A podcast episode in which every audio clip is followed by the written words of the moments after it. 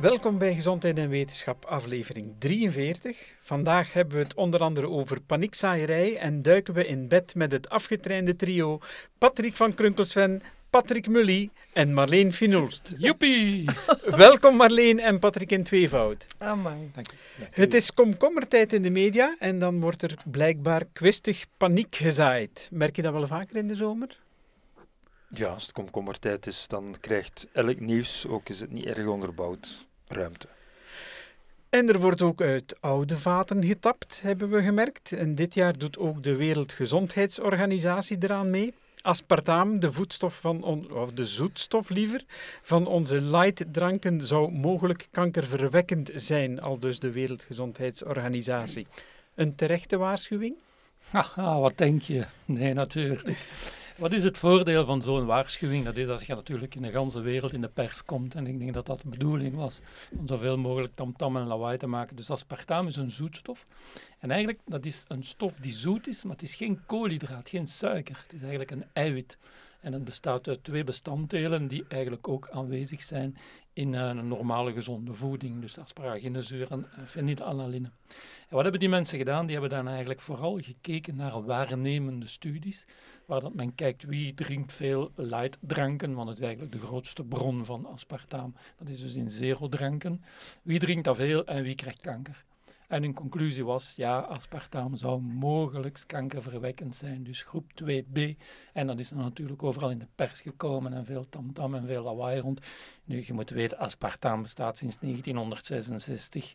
Die frisdranken worden gezoet sinds 1982, 83. En tot nu toe zijn er toch geen fenomenale risico's waargenomen. Dus uiteindelijk, dat is allemaal mooi en wel, maar ik vrees dat er één groot probleem is in al die studies, de waarnemende studies. Want wie drinkt doorgaans veel van die lightdranken? Dat zijn mensen die eigenlijk op gewicht willen blijven, die dus een gewichtsprobleem hebben. En wie heeft dan een hoger risico op kanker? Dat zijn ook die mensen. En je kunt onmogelijk een onderscheid maken tussen het risico op kanker door het gewicht en het risico op kanker, zogezegd, door aspartaam. En bovendien, Patrick, je moest al behoorlijk veel eh, binnenkrijgen, een hele hoge dosis aspartaam. Je hebt dat uitgerekend op onze website, hoeveel Ja, dat zijn liter dat het was dat zijn- om, om in die categorie Ja, kankerverwekkend te komen. 70 blikjes, dacht ja, ik. Hè? het, zijn- het, is een, het is een fenomenaal absurde Iets wat je sowieso niet drinkt, En uiteindelijk, ja. ja. en je ziet wel dat het risico op kanker stijgt bij muizen, maar die muizen worden gewoon vergiftigd. Die dosis wordt daar zo hoog opgedreven dat je natuurlijk problemen hebt. En je zou zelfs problemen hebben bij water en dergelijke hoge dosissen. Ja. Dus aspartaam kan geen kwaad. Maar ik vind het wel ergens pervers, want veel mensen denken van oei, dat is dan toch kankerverwekkend. Ik zal dan maar gewoon een frisdrank drinken met suiker. En dan ontwikkelen ze obesitas. En wat is dan wel kankerverwekkend? Daar zijn we zeker van. Dat is obesitas. En het is altijd hetzelfde. De mensen die dan echt wel op hun gezondheid letten, die denken, oei, ik ga die kanderel niet meer in mijn koffie doen, want dat is kankerverwekkend. Dat soort vragen krijgen we dan. Mensen zijn zeer snel zeer overbezorgd en hebben geen enkele reden. En degenen die daar, eh, ja, die daar hun laars aan lappen, die, die blijven dat doen. Ja. Dus het is een beetje een foute boodschap, of een jammere Ja. boodschap van de Wereldgezondheidsorganisatie. Ik vond het geen prioriteit. Ik vond geen prioriteit van het risico van aspartaam na te gaan. Er zijn genoeg andere stoffen die eventueel wel eh, aandacht verdienen, maar zeker geen aspartaam. Plus je ziet ook met het probleem, aspartaam wordt eigenlijk nooit zuiver gebruikt in die frisdranken. Dat zijn meestal mengsels van twee of drie zoetmiddelen, want aspartaam wordt bitter als nasmaak. En dan gebruikt men acesulfam K om die nasmaak eh, te, te verzachten. En je kunt onmogelijk een onderscheid gaan maken in een frisdrank. Ah, dat is kanker door aspartaam en niet door de ander. Of omgekeerd. En dat zit Ja. ook in, in light en in zero dranken, hè? Ja, Ja, voor de luisteraars. inderdaad. Nu, om het misschien een beetje ingewikkeld te maken, Patrick, ehm, er is toch wel een punt dat wij allemaal veel te veel op weg zijn naar zoet. En, Ja.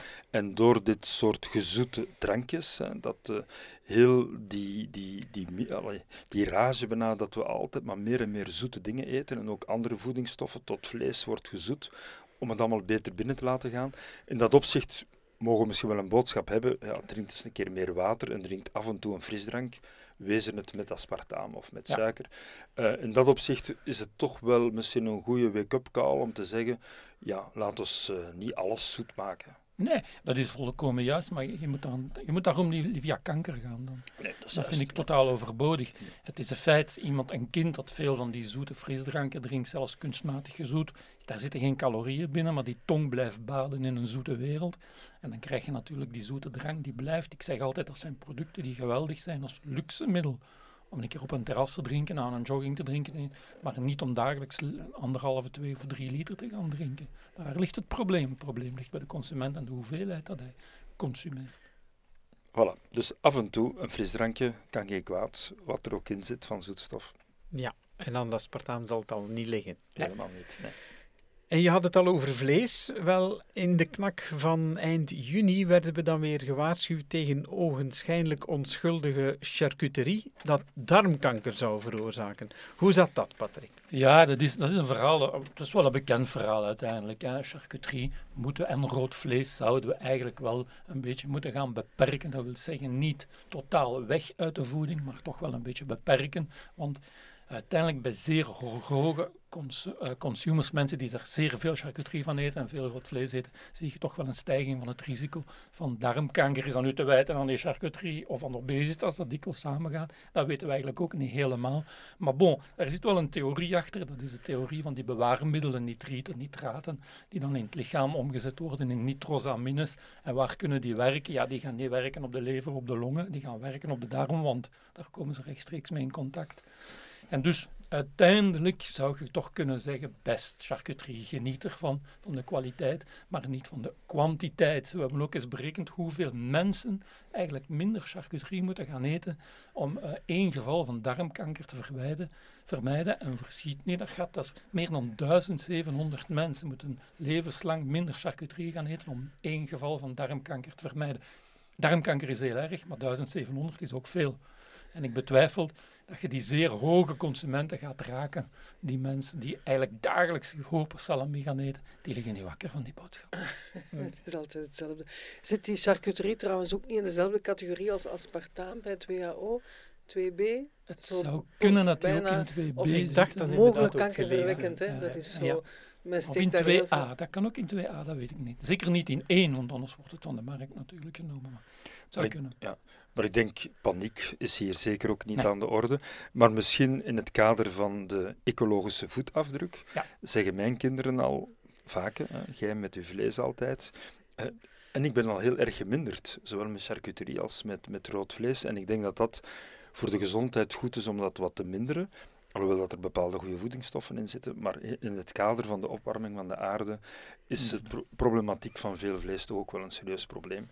Dus een klein beetje minder eh, kan ook geen kwaad. Ik denk dat we in het algemeen moeten gaan naar de kwaliteit en genieten en minder naar de kwantiteit en grote hoeveelheden. En dat we naar die zo'n maatschappij moeten gaan. Alles met mate. Dat gaan we bij het volgende dan ook hebben. Want ook een pintje zou allesbehalve onschuldig zijn. In een artikel op 14 Nieuws zei een huisarts dat al bij één enkel glas hersencellen zouden afsterven. Heeft iemand van jullie nog genoeg hersencellen over om daarop te antwoorden? ja, ja, ik was daar toch wel... eh, het verbaasde mij dat die collega vertelde in het, inderdaad een 14 nieuws. Eh, het was in, in, in de tijd dat de zomer nog heel erg warm was, in eh, juli ergens. En ja, de vraag was, één pintje op een terras, is dat verfrissend? Kan dat eigenlijk kwaad voor de gezondheid? En ze zei ja, en je moet eraan denken bij elk pintje dat je drinkt, dat je, wat doe je je hersenen aan? Je krijgt hersenschade. Dat klopt niet. We hebben dat gefactcheckt. Dat is niet waar. Wanneer heb je hersenschade? Bij langdurig overmatig drinken. Bij langdurig overmatig drinken heb je inderdaad schade aan de, aan de vertakkingen van de hersencellen, de dendrieten. En dan kan je spreken van schade, maar niet van één verfrissend pintje op een terras. En natuurlijk ook bij alcoholisme krijg je dat eh, aantasting van hersencellen, vooral door ook voedingstekorten, door vitamine B-tekort. Eh, Natuurlijk is er dan hersenschade, maar dat één verfrissend pintje, dat eh, kan geen kwaad. We moeten natuurlijk houden bij een lichte tot matige consumptie, niet overdrijven, maar weer al eigenlijk een beetje hetzelfde als bij de charcuterie en de aspartaam. Ja, je maakt de verkeerde mensen bang. Die, zijn, die denken dan, oei, eh, ik mag hier geen glaasje witte wijn drinken met mijn vriendinnen op terras op deze zomer, eh, prachtige zomeravond, want dan dood ik hersencellen. Dat is, uh, dat soms ergerlijk. Het is een beetje jammer dat een collega-arts dat dan vertelt in de media. Dus dat heb ik ook wel gefactcheckt. Ja. Um, we kunnen zelfs verder gaan, maar dat is ook, zijn ook studies die misschien niet zo sterk zijn, maar er zijn studies die aantonen dat als je mensen vergelijkt die een klein beetje drinken met mensen die niet drinken, dat die mensen die een klein beetje drinken het qua geestelijke gezondheid en, en qua cognitieve, dus verstandelijke uh, capaciteiten, dat die het zelfs een beetje beter doen dan de geheelonthouders. Nu, daar kan je ook kritiek op hebben, maar ik denk wel dat het aantoont dat mensen die een klein beetje drinken het niet slechter doen dan mensen die niet drinken. Dus dat kunnen, we hebben geen wetenschappelijke argumenten om daar tegen te zijn.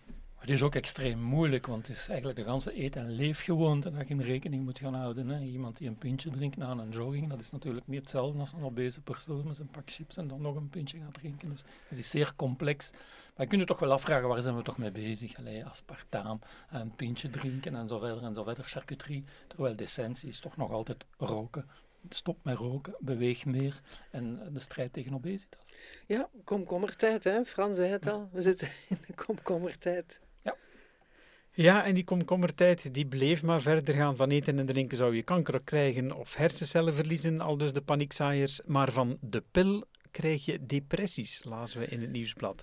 Is daar wat van aan, Marleen? Ah, wel, dat is een iets complexer verhaal. En het was een studie, weer een nieuwe studie, een uh, Zweedse studie, meen ik, met toch een vrij grote groep vrouwen, meer dan 250.000, waarvan 80% de pil had gebruikt, de anticonceptiepil. En men is ze gaan bevragen, uh, men heeft ze tot aan de menopauze opge opgevolgd. En men heeft gevraagd naar depressieve symptomen. Dat ging via een vragenlijst, Mental Health Questionary. En die werd, hen die werd hen gevraagd om in te vullen één keer. Dus die dames hebben dat allemaal ingevuld. En degenen die uh, voor hun twintigste begonnen waren met de pil, hadden in het latere leven, ook als ze al lang gestopt waren, 2 tot 2,3 keer meer risico op depressieve symptomen. Degenen die ouder waren dan 20 en toen gestart waren met de pil, dus na hun 20 met de pil waren begonnen, hadden ook al een verdubbeld risico op depressieve symptomen. Wel, eigenlijk, ja, wat zegt die studie? Wat zegt die studie eigenlijk? Ja, er is een lichte impact van de pil, dat weten we, dat staat ook al jaren en dag in de bijsluiter, dat kan stemmingswisselingen geven, maar dit zegt helemaal niks, want als je maar één keer de vraag stelt, voelt u zich depressief en daar dan daar dan uh, ja, conclusies uit trekt voor het hele leven, de hele levensloop, dat is natuurlijk, uh, ja, dat heeft weinig zin. Bias, recall bias, hoe noemen ze het in de wetenschap. Het is, in elk geval zo dat deze ene studie uh, de problematiek van anticonceptie en mogelijke depressie zeker niet helemaal oplost. er zijn eigenlijk weinig nieuwe gegevens uit deze studie. Uh, maar we weten dat er mogelijk wel een effect is. Ja, inspelen op de hormonen en het hormonale evenwicht, ja, dat is altijd natuurlijk wel iets dat, uh, dat gevolgen kan hebben. Nu, aan de andere kant is uh, anticonceptie ook een geweldig goed voorboedsmiddel. Vroeger, als de pil niet bestond en de vrouwen elke week angstig moesten zijn of ze al dan niet zwanger waren. Elke ja, maand. Elke, elke maand. maar goed, misschien elke dag. Ja, dan elke week. Vanaf. Goed, daar gaan we geen discussie over hebben, over de frequentie. Maar ehm, in elk geval uh, is toch wel de anticonceptie een geweldige doorbraak geweest in de vrijheid van, van vrouwen.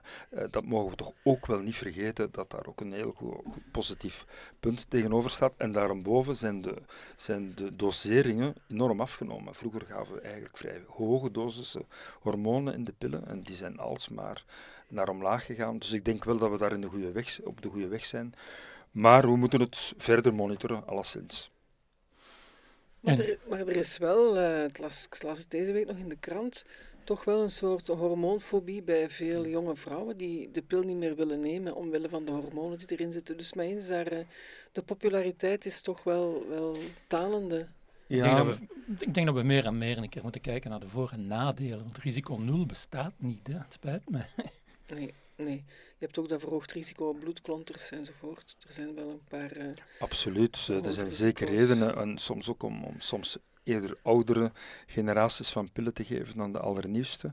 Nu, en het spiraal is ook vaak een heel goed alternatief. Zeker voor ouderen die al kinderen hebben gehad, is een spiraal uh, zeker een alternatief. Dat moet overwogen mhm. worden en misschien meer moet overwogen worden dan gedurende twintig jaar de pil te nemen. En we, en we, kunnen er niks op tegen hebben dat uh, jonge vrouwen zeggen vandaag van die hormonen, anticonceptie, liever iets anders. Ik vind dat helemaal geen slechte evolutie. Zolang het maar veilig blijft, natuurlijk. Ik, ik werd depressief als mijn vrouw de pil niet nam. Oké, too much information. Next. ja, dat, we gaan verder met die too much information. Want met die verhalen over de pil zijn we intussen in bed beland. En dan maken we het graag romantisch. We dimmen het licht, zetten een muziekje op en schenken een glas rode wijn. En vooral dat laatste zou onze seksdrive verhogen, lazen we in de media. Allen aan de rode wijn, Patrick? Ja, ik heb er niks op tegen. Hè. Je drinkt zoveel rode wijn als je zelf wilt. Maar voor seks zal het toch een flop zijn. Hoe meer rode wijn dat je drinkt, hoe slechter dat het zal gaan. nu, dat was een artikel. Dat is natuurlijk in de media gekomen. Dat fantastisch nieuws, rode wijn en seks, dat leest iedereen. Maar uiteindelijk is dat geen studie geweest. Dat was, dat was een artikel in Nutrients. Dat, dat was gewoon een beschrijving van hoe dat rode wijn eventueel zou kunnen werken op de vaatwand en op die bloedplaatjes en zo verder en zo verder. Om eventueel dan ook die erecties te verbeteren en zo verder en zo verder. Dus het was meer een hypothese, zelfs geen studie, maar een beschrijving van hypotheses, van mogelijkheden. En daar hebben ze natuurlijk in de pers onmiddellijk van gemaakt, rode wijn, iets fantastisch voor het seksleven.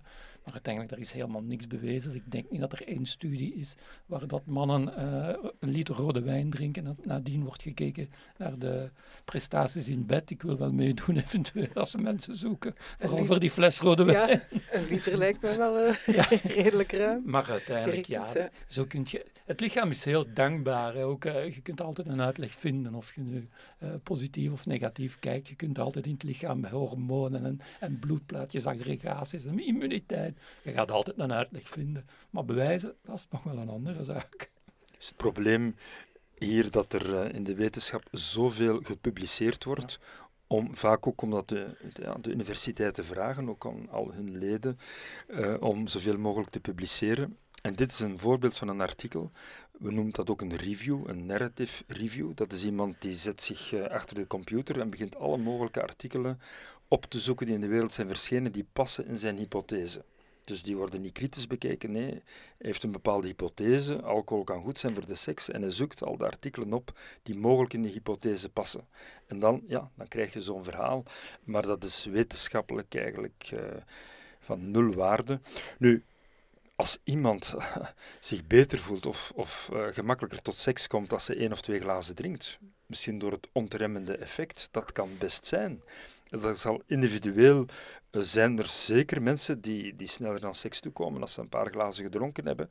Uh, maar daar moeten we geen wetenschap over bedrijven. Dat is heel individueel verschillend. En dat kan dan ook met witte wijn of... Ah ja, natuurlijk. Of, of, of met dat pintje van daarnet. Ja, met dat pintje van daarnet, ja. Uiteraard. Maar in rode wijn zitten zo gezegd die polyfenolen, flavonoïden, we hebben al gekend in de jaren negentig. Dat ja. waren toen ook wondermiddelen tegen hart- en vaatziekten. En nadien bleek dat gewoon een kwakkel te zijn. De French paradox. Ja, dat was gewoon eigenlijk een gevolg van het feit dat mensen die rode wijn dronken, die waren hoger opgeleid, deden meer sport, rookten minder. Dus uiteindelijk was meer het effect van de drinker, van het gedrag van de persoon die drinkt, die een rol speelde dan eigenlijk de drank zelf. Dus uiteindelijk, ja, kijk, rode wijn, geniet ervan en seks ook.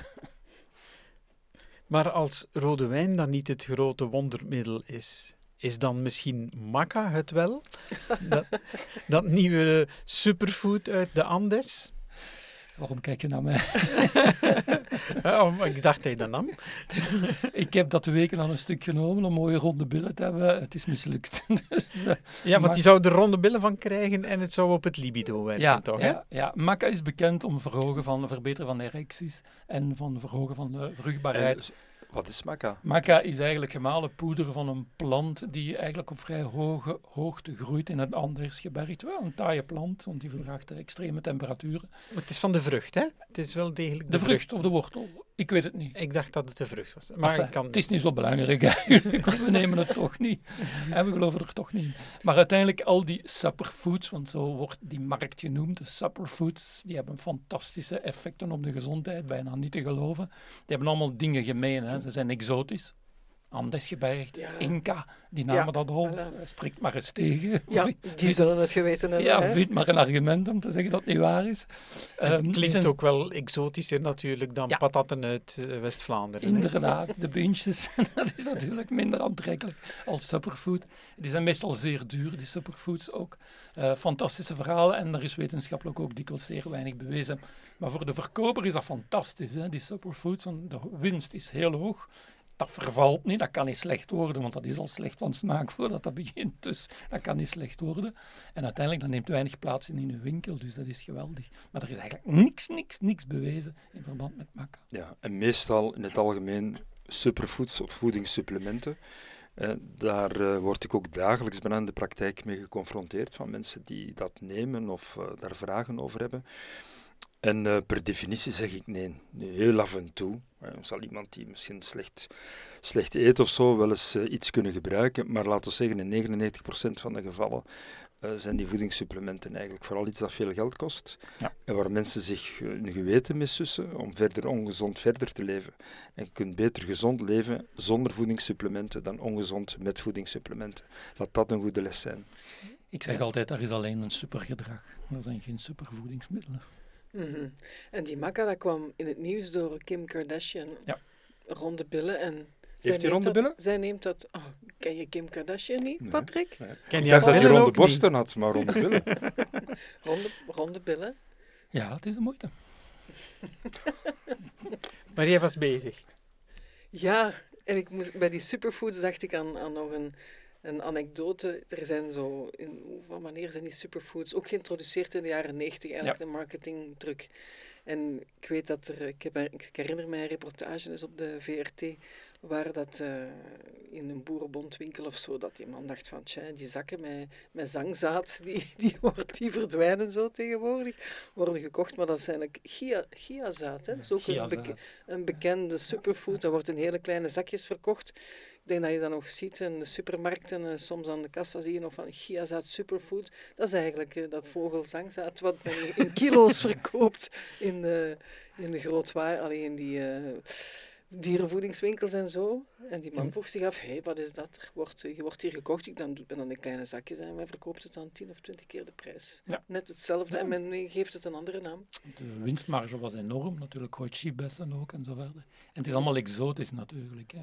Dat, is, dat verklaart een deel van het succes. En meestal gedroogd ook, hè? Dan kan het lang blijven liggen in de winkel. Ja, het, is, het is een fantastisch product. Hè. Als verkoper is dat geweldig natuurlijk. Hè. Dat ligt in je winkel. eh, fruit en groente moet je alle dagen gaan kijken of ze niet vervallen of niet verkleuren, dan weet ik veel. Ja, dat zit in je winkel en een jaar of twee later kun je eens gaan kijken hoe dat te verkoop is. Superfood niet, niet aan ons besteed. Nee. En met al die wondermiddeltjes in bed zouden we bijna nog vergeten aan slapen toe te komen. Maar niet getreurd, ook daar is een oplossing voor. We kunnen immers sleepbanken. Slaapreserve opbouwen zodanig dat we er een nachtje stevig tegenaan kunnen. Tenminste, dat is de theorie. Maar werkt het ook echt? Kun je vooraf slapen om een moeilijke nacht op te vangen? Kan dat? Wel, kun je dat onderzoeken? Dat is een andere discussie, want dat is natuurlijk niet evident. En de vraag stellen is gemakkelijk, maar dat gaan onderzoeken in de praktijk is niet eenvoudig. En er is een literatuurstudie die dus een aantal studies eh, verzamelde over dat onderwerp. Het wordt vooral bestudeerd bij ploegenarbeid. En een deel van die mensen gaat natuurlijk op voorhand wat meer slapen voordat ze met hun nachtshift beginnen. En een ander deel doet dat niet. En dan gaat men kijken naar verschillen. En ja, dat waren zeer kleine verschillen, maar die verschillen worden dan genoteerd op vragenlijsten. Dat is natuurlijk zeer subjectief. Heb je goed geslapen van een schaal van 1 tot 10? Ja, als je een 5 of een 6 in plaats van een 7 zet, kun je al een resultaat hebben. Dus dat is extreem moeilijk. Ik heb eigenlijk geen overtuigende bewijzen gevonden dat het helpt van op voorhand veel te slapen om je reserves op te bouwen om nadien minder te kunnen gaan slapen. De vraag, de vraag is, kan je dat ook? Als je niet moe bent eh, op voor... Ik kan Ja. dat niet. Zeggen van, ik ga tien, tien uur slapen, want morgen ga ik maar vier uur kunnen Ja. Zo werkt dat toch niet? Nee, en al die studies waren ook op zeer kleine aantallen. Daar was ook geen controle op de slaap en nog, nog op de kwaliteit van de slaap. Hè. Want je moet niet altijd veel slapen om goed te recupereren. Hè. We kennen allemaal de diepe slaap, de minder diepe slaap en zo verder en zo verder. En dat werd allemaal niet gemeten. Dus allez, daar is toch nog veel werk voordat we daar een degelijk antwoord kunnen op geven. Maar eh, natuurlijk kan je niet ontkennen dat nachtarbeid soms toch wel erg Ja. veel impact heeft op het leven van de mensen. Dat is niet altijd simpel. Maar gebruik je gezond verstand, zouden Ja. we zeggen. Als je er goed bij voelt om, om een uurtje bij te slapen voordat je gaat werken, doe het gewoon. Hè. Dat kan absoluut geen kwaad. Maar wetenschappelijk kunnen we het moeilijk bewijzen, dat is eigenlijk de Het conclusie. is niet gemakkelijk ook. niet. Ja, ik denk dat de vraag vooral kwam eh, naar aanleiding van het vele nachtelijke rijden dat gebeurt Ja. bij Ah, mensen ja. die Ja. met vakantie Ja. vertrekken, die dan s'nachts om twee, drie uur vertrekken in de hoop Ja. van de files te vermijden. En dat ze daarom eh, het stukje over sleepbanking gepubliceerd hadden. Ja. punt is ook natuurlijk dat wij ons dag-nachtritme hebben. En dat kan je Ja. niet zomaar even gaan aanpassen met een uurtje op voorhand te slapen. Dus dat blijft. Hè. Dat is op het moment dat het uur gekomen is en het is donker enzovoort, dat u, eh, u gewoon uw ritme eh, begint te spelen, dat je eigenlijk wilt gaan slapen. Dus wees toch maar erg voorzichtig. Wissel vaak af. eh, elk uur even stoppen enzovoort. Dat is de betere remedie, denk ik, dan te proberen sleep te banken. Ja, Of hoe, hoe zeg je dat? wat, wat, wel, wat wel bewezen is, ja, je moet niet slapen aan het stuur. Dat is wel niet gezond. Dat is, daar Ja, dat is ongezond, hè? Nog er zijn studies dan- over. Pas op met die zelfrijdende auto's die eraan komen. Ja. Goed, Maar dan moet je ook geen sleepbanking meer gebruiken, natuurlijk. ook weer waar. Dan slaap je gewoon achter. Dan heb je een slaapbank echt in je auto. Ja, en geen sturen meer misschien. Goed, we onthouden van vandaag dat je wel meer dan 70 blikjes light frisdrank per dag zou moeten drinken om te veel aspartaam binnen te krijgen. Dat obesitas het risico op darmkanker veel meer verhoogt dan een schelletje salami. Dat een enkel pintje heus geen hersencellen doet afsterven. Dat het verband tussen de pil en depressie allesbehalve helder is. Dat een glas wijn misschien wel de remmingen in bed kan opheffen, maar te veel glaasjes je in slaap kunnen wiegen dat maca echt geen wondermiddel is en dat het niet wetenschappelijk aangetoond is dat sleepbanking werkt. Amai, alweer een heel leerrijk half uur. Eh, mijn nog niet afgestorven hersencellen kirren van plezier. Dankjewel Patricken en Marleen. Dank u. Dank je. Wil je wekelijks wetenschappelijke gezondheidsweetjes in je mailbox? Haast je dan naar gezondheidenwetenschap.be en schrijf je erin op de nieuwsbrief. Bedankt voor het luisteren en tot de volgende aflevering.